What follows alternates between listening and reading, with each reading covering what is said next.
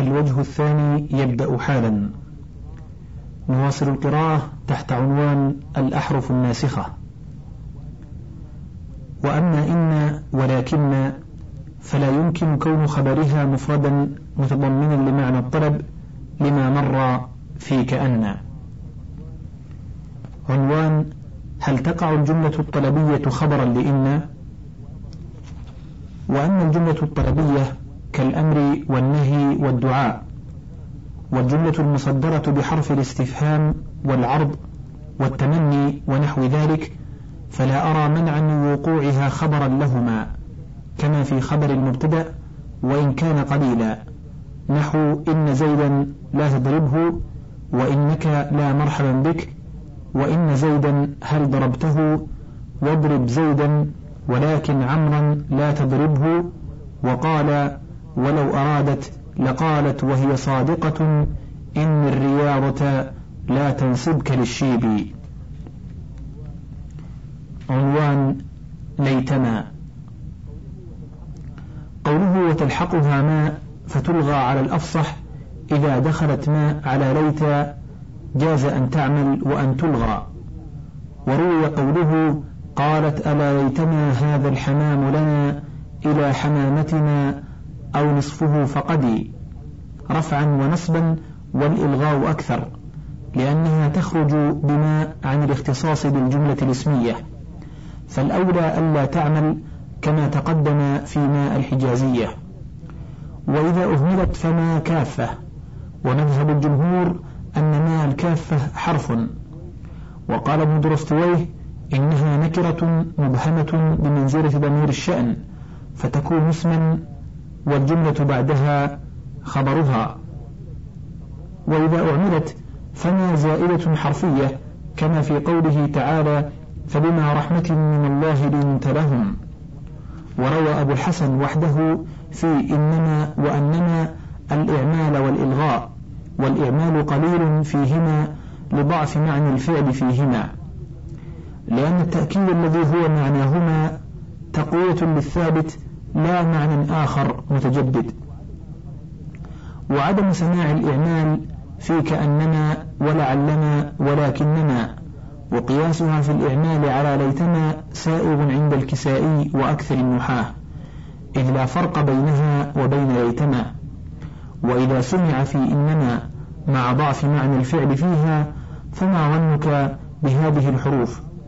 لكن الإلغاء أولى بالاتفاق لعدم السماع وفوات الاختصاص بسبب ما وسيبويه يمنع الإعمال في غير ليتما للسماع المشهور فيه دون غيره. عنوان تفصيل أحكام إن وأن. قوله فإن لا تغير معنى الجملة وأن مع صلتها في حكم المفرد ومن ثم وجب الكسر في موضع الجمل والفتح في موضع المفرد. فكسرت ابتداء وبعد القول وبعد الموصول وفتحت فاعلة ومفعولة ومبتدأة ومضافا إليها. وقالوا لولا أنك لأنه مبتدأ ولو أنك لأنه فاعل. فإن جاز التقديران جاز الأمران مثل من يكرمني فإني أكرمه. وإذا أنه عبد القفا واللهازم وشبهه ولذلك جاز العطف على اسم المكسورة لفظا أو حكما بالرفع دون المفتوحة مثل إن زيدا قائم وعمر. ويشترط لمعنى الخبر لفظا أو تقديرا خلافا للكوفيين ولا أثر لكونه مبنيا خلافا للمبرد والكسائي في مثل إنك وزيد ذاهبان. ولكن كذلك ولذلك دخلت اللام مع المكسورة دونها على الخبر أو على الاسم إذا فصل بينه وبينها أو على ما بينهما. وفي لكن ضعيف وتخفيف المكسورة فتلزمها اللام ويجوز إلغاؤها ويجوز دخولها على فعل أفعال المبتدأ خلافا للكوفيين في التعميم. وتخفف المفتوحة فتعمل في ضمير شأن مقدر فتدخل على الجمل مطلقا وشذ إعمالها في غيره ويلزمها مع الفعل السين أو سوف أو قد أو حرف النفي. قوله فإن لا تغير معنى الجملة أخذ في تفصيل معاني الأحرف الستة. فإن موضوعة لتأكيد معنى الجملة فقط غير مغيرة لها وأن المفتوحة موضوعة لتكون بتأويل مصدر خبرها مضافا إلى اسمها. فمعنى بلغني أن زيدا قائم بلغني قيام زيد. وكذا إن كان الخبر جامدا نحو بلغني أنك زيد أي زيديتك.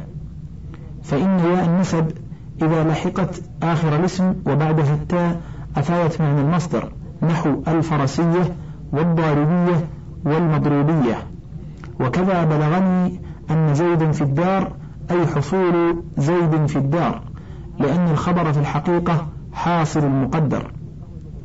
قوله ومن ثم وجب الكسر أي من جهة عدم تغيير المكسورة لمعنى الجملة وتغيير المفتوحة لمعناها إلى المفرد. قوله فكسرت ابتداء أي مبتدأ بها سواء كان في أول الكلام المتكلم نحو إن زيدا قائم أو كان في وسط كلام لكنه ابتداء كلام آخر نحو أكرم زيدا إنه فاضل فقولك إنه فاضل كلام مستأنف وقع علة لما تقدمه ومنه قوله تعالى ولا يحزنك قولهم إن العزة لله جميعا وكذا تكسر بعد القول إذا قصدت به الحكاية لا الاعتقاد الشامل للعلم والظن فإنها تفتح إذن كما تفتح بعد الظن والعلم وإنما كسرتها بعد القول بمعنى الحكاية لأنه ابتداء الكلام المحكي. وكسرت بعد الموصول لأن الصلة لا تكون إلا جملة نحو أكرمت الذي إنه فاضل. قال تعالى ما إن مفاتحه لتنوء بالعصبة وكذا كسرت في جواب القسم لأنه جملة لا محالة نحو بالله إنك قائم وقد تفتح إن في جواب القسم عند المبرد والكوفيين إذا لم يكن في خبرها اللام ولعل ذلك لتأويلهم لها بالمفرد أي أقسمت بالله على قيامك وفيه بعد إذ لا يقع المفرد الصريح جوابا للقسم. وتكسر أيضا إذا كانت حالا نحو لقيتك وإنك لراكب. قال تعالى وما أرسلنا قبلك من المرسلين إلا إنهم ليأكلون الطعام لأن الجملة تقع حالا ولا دليل على كونها في تأويل المفرد كما مر. فإن قلت أفتحها بتأويل المصدر فإن المصدر أيضا يقع حالا. قلت ذلك إذا كان صريح المصدر لا المؤول به. وتكسر أيضا إذا كانت في موضع خبر عن اسم عين نحو زيد إنه قائم وكان عمرو إنه قائم إذ لا دليل على أن الجملة إذا كانت خبرا للمبتدأ في تأويل المفرد. وأما إذا كان المبتدأ حدثا جاز فتح إن في الخبر نحو مأمول أنك قائم. وتكسر أيضا إذا دخلت في مبتدأ في خبره لام الابتداء فإنها لا تجامع إلا المكسورة. لأن وضع لام الابتداء لتأكيد مضمون الجملة كأن المكسورة فهما سواء في المعنى. قوله وفتحت فاعلة نحو بلغني أنك قائم لأن الفاعل لا يكون إلا مفردا. وكذا المفعول به نحو علمت أنك قائم أي علمت قيامك. وكذا المبتدأ نحو عندي أنك قائم.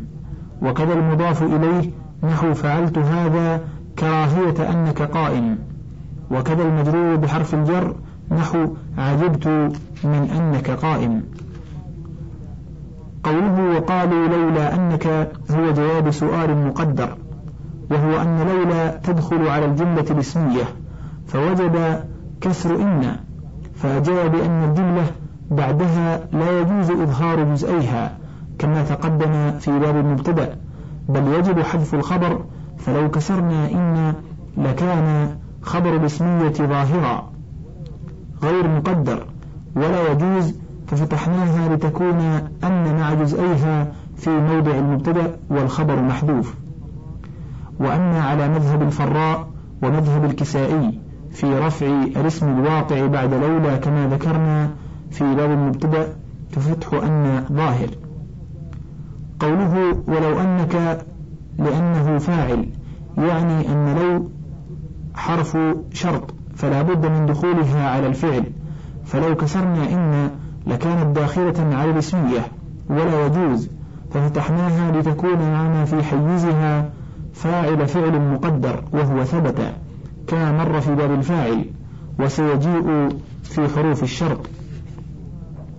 وكذا يلزم فتحها بعد ما التوقيتية نحو اجلس ما أن زيدا قائم لأنها لا تدخل إلا على الفعل وذلك أنها مصدرية وينظر دخولها على الاسمية كما يجيء. فالتقدير ما ثبت أن زيدا قائم كما في لو أنك قمت سواء. قوله فإن جاز التقديران أي تقدير الجملة وتقدير المفرد جاز الأمران أي فتح أن وكسرها وذلك في مواضع. بعد فاء الجزاء نحو من يكرمني فإني أكرمه. الكسر بتأويل فأنا أكرمه. والفتح على أن أن مع ما في حيزها مبتدأ. محذوف الخبر أي فإكرامي له ثابت. وكذا بعد إذا المفاجأة كقوله وكنت أرى زيدا كما قيل سيدا إذا إنه عبد القفا واللهازم أي إنه عبد قفاه. أي لئيم القفا. يعني صفعان واللهزمتان عظمان ناتئتان في اللحيين تحت الأذنين. جمعهما الشاعر بما حولهما كقوله جبت مذاكيره فالكسر على تأويل إذا هو عبد القفا والفتح على تأويل فإذا عبودية قفاه ثابتة.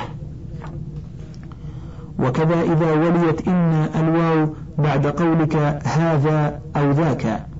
تقريرا للكلام السابق قال تعالى ذلكم وأن الله موهن فذلكم خبر مبتدأ محذوف وأن عطف على هذا الخبر أي الأمر ذلك والأمر أيضا أن الله موهن وإن كسرت فعلى عطف إن مع جزئيها على الجملة المتقدمة المحذوفة المحذوف أحد جزئيها.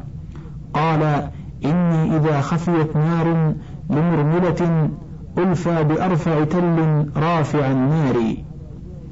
ذاك وإني على جاري لذو حدب أحنو عليه بما يحنى على الجاري فهو مثل قوله تعالى ذلك ومن عاقب الآية. فالجملة الاسمية في الآية عطف على الجملة المتقدمة. وكذا إذا وليت نحو أول قولي وأول كلامي. فالفتح على أن قولي مصدر مضاف إلى فاعله وليس بمعنى المقول والتقدير أول قولي أي أقوالي حمد الله. فلم يجمع لأن المصدر لا يجمع إلا مع قصد الاختلاف. فيكون قد أخبر بالمصدر عن المصدر والكسر على أن قولي بمعنى مقولي أي أول مقولاتي. فلم يجمع مع أنه بمعنى المفعول مراعاة لأصل المصدر. والمعنى أول مقولات هذا المقول وهذا الكلام وهو إني أحمد الله. فيكون قد قال كلاما أوله إني أحمد الله ثم أخبر عن ذلك كما تقول في أول السورة بسم الله الرحمن الرحيم. وقال عليه الصلاة والسلام أفضل ما قلته أنا والنبيون من قبلي لا إله إلا الله. ولا يكون قوله إني أحمد الله معمولا بلفظة قولي. كيف وليس هو بمعنى المصدر بل بمعنى المقول. فهو كقولك مضروبي زيد. فزيد مضروب من حيث المعنى وليس معمولا لمضروبي.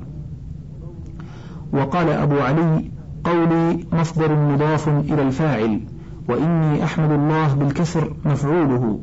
وخبر المبتدأ محذوف أي أول قولي ونطقي بهذا الكلام ثابت. ورده المصنف أحسن رد وذلك أن أفعل التفضيل بعض ما يضاف إليه فيكون لنطقه بهذا الكلام أجزاء أول ووسط وآخر. والجزء الأول باعتبار كلماته الثلاث تلفظه بلفظ إني وباعتبار الحروف تلفظه بهمزة إني فيكون المعنى إذا صرحنا به تلفظ بإني. أو بهمزة إني ثابت وهو خلف من الكلام وغير مقصود به للمتكلم. ويجوز الوجهان بعد أنا فإن فتحت فأنا بمعنى حقا تقول أحقا أنك قائم فأن فاعل أي أحق ذلك حقا أو نقول حقا في معنى الظرف أي أفي حق فيكون أن إما فاعلا أو مبتدأ على المذهبين كما مر في باب المبتدأ. قال ألا أبلغ بني خلف رسولا أحقا أن أخطلكم هجاني. ودليل كونه في معنى الظرف قوله أفي حق مواساة أخاكم بما لي ثم يظلمني السريس. فهو كقوله أحقا بني أبناء سلم بن جنبر تهدوكم إياي وسط المجالس. وإن كسرت فأنا حرف استفتاح كألا. تقول أما إنك قائم قال تعالى ألا إن, ألا إن عادا كفروا ربهم. وتقول أيضا أما والله أنه ذاهب. أي أفي حق والله أنه ذاهب أي ذهابه. وأنا والله إنه ذاهب كأنك قلت ألا إنه والله ذاهب. وحتى إن كانت ابتدائية وجب كسر إن بعدها. وإن كانت جارة أو عاطفة للمفرد فالفتح. نحو عرفت أمورك حتى أنك صالح وعجبت من أحوالك حتى أنك تفاخر. ولا يجوز كسر إن بعد مذ ومنذ. وإن جاز وقوع الجملة والمفرد بعدهما. نحو ما لقيتك مذ زيد قائم ومذ قيام زيد رفعا وجرا. لأن الجملة بعدهما مضاف إليها كما مر في باب الظروف المبنية. والغالب بعد لا جرم الفتح. قال تعالى لا جرم أن لهم النار. فلا إما رد بالكلام السابق على ما هو مذهب الخليل أو زائدة كما في لا أقسم لأن في جرم معنى القسم. وجرم فعل ماض عند سيبويه والخليل. وقال سيبويه معنى جرم حقا. فأن فاعله واستشهد بقوله ولقد طعنت أبا عوينة طعنة جرمت فزارة بعدها أي يغضبوا برفع فزارة وأن يغضبوا بدل اشتمال منها أي حق غضب فزارة بعدها. وقال الفراء بل الرواية جرمت فزارة بنسب فزارة أي كسبت الطعنة فزارة الغضب. أي جرمت لهم الغضب كقوله تعالى ولا يجرمنكم شنآن قوم أي لا يجرمن لكم ولمثله فسر بعضهم الآية أي جرم كفرهم أن لهم النار فأن مفعول جرم وقال الفراء هي أي لا جرم كلمة كانت في الأصل بمعنى لا بد ولا محالة لأنه يروى عن العرب لا جرم والفعل والفعل يشتركان في المصادر كالرشد والرشد والبخل والبخل والجرم القطع أي لا قطع من هذا كما أن لا بد بمعنى لا قطع فكثرت وجرت على ذلك حتى صارت بمعنى القسم للتأكيد الذي فيها فلذلك تجاب بما يجاوب به القسم فيقال لا جرم لآتينك ولا جرم لقد أحسنت ولا جرم إنك قائم. فمن فتح فللنظر إلى أصل لا جرم كما تقول لا بد أن تفعل كذا ولا محالة أنك تفعل كذا أي من أن تفعل ومن أنك تفعل ومن كسر فللمعنى العارض في لا جرم. وحكى الكوفيون فيها عن العرب وجوها من التغيير بإسقاط الميم ولا ولا ذا جرم بزيادة ذا ولا ذا جرى بغير ميم ولا أن ذا ولا عن ذا وأن زائدة وعين عن بدل من الهمزة. كما في قوله أعن ترسمت من خرقاء منزلة ماء الصبابة من عينيك مسجوم. وتقول شد ما أنك ذاهل وعز ما أنك قائم بالفتح. فشد وعز فعلان مكفوفان بماء. كقلما وطالما وهما بمعنى حقا فمعنى شد ما أنك قائم حقا أنك قائم أي في حق إلا أن في لا تدخل على شد وعز لكونهما في الأصل فعلين ويجوز أن يكون ما اسما معرفة تامة كما هو مذهب سيبويه في نعم صنيعك وبئس ما عملك أي نعم الصنيع صنيعك وبئس العمل عملك.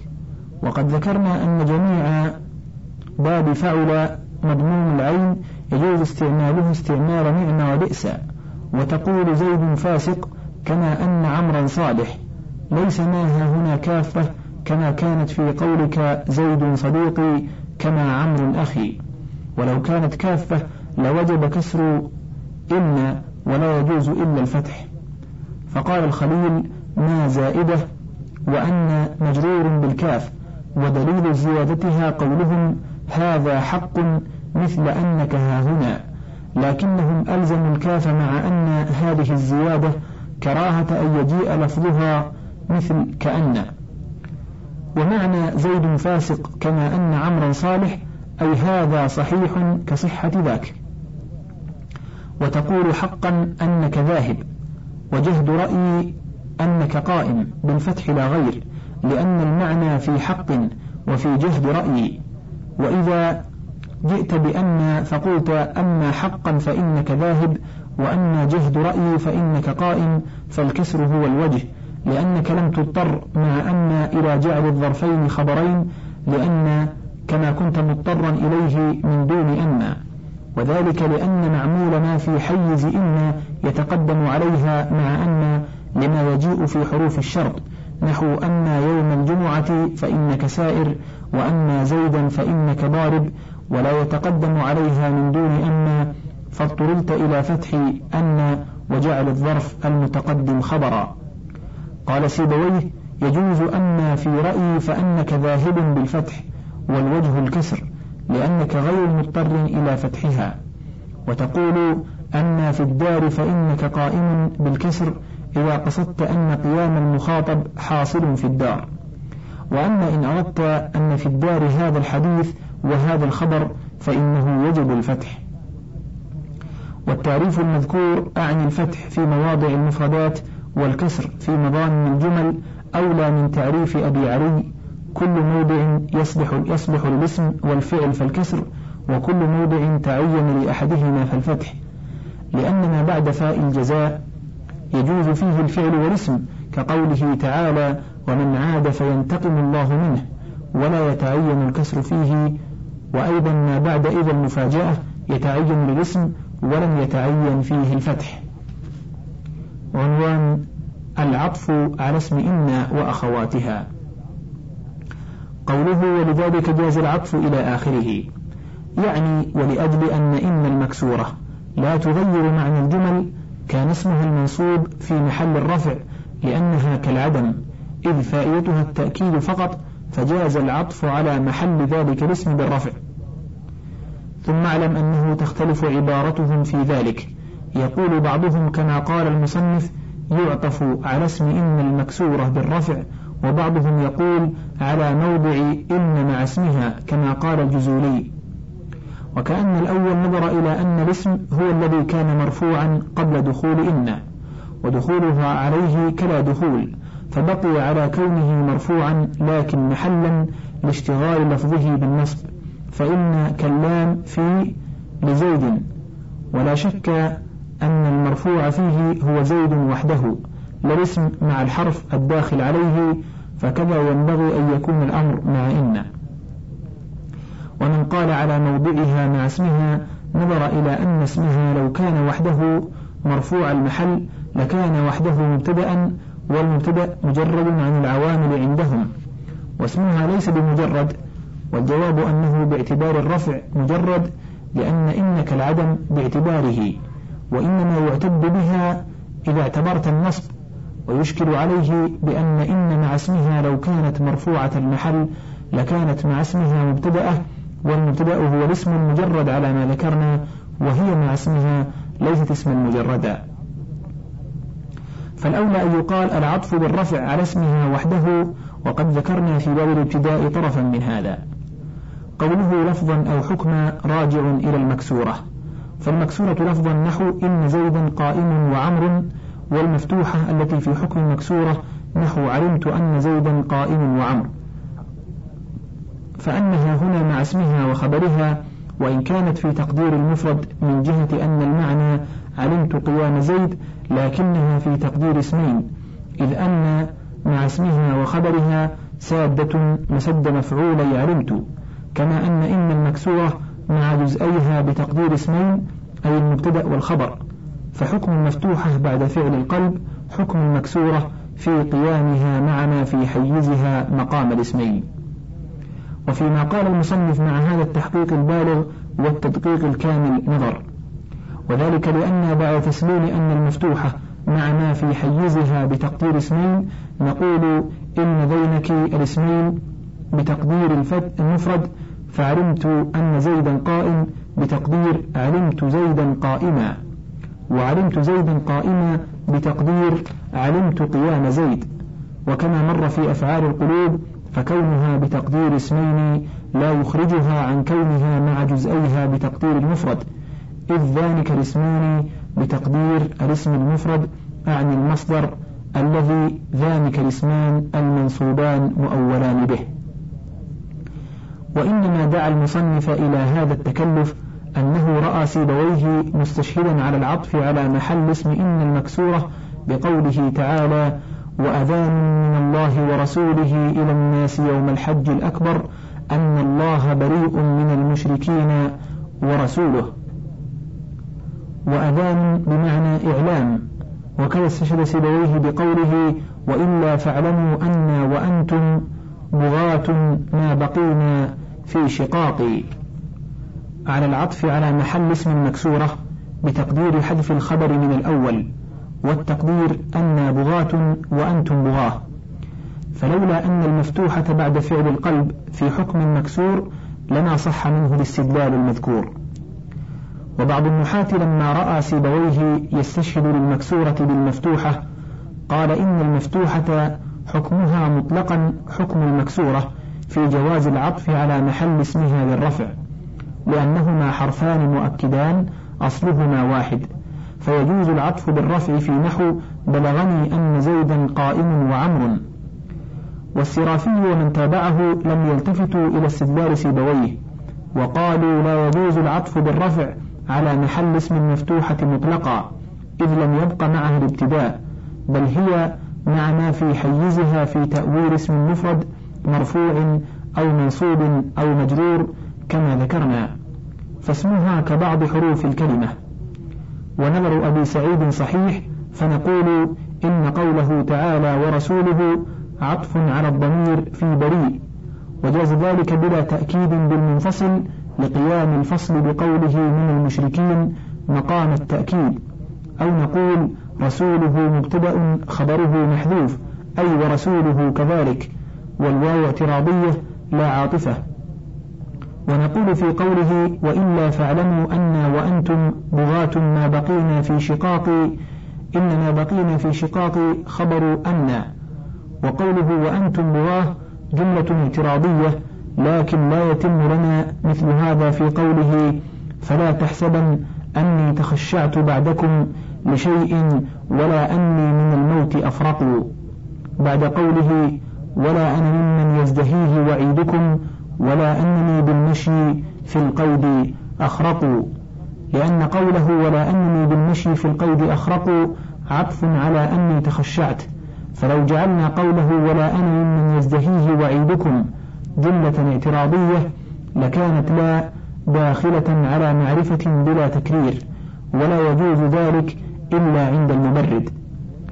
ولو روي ولا إنني بالمشي في القيد بالكسر لارتفع الإشكال وكان قوله ولا أنا ممن يزدهيه مستأنفا ولا مكررة انتهى الشريط التاسع والعشرون من القسم الثاني من شرح الكافية لرضي الدين الاستراباذي وله بقية على الشريط الثلاثين.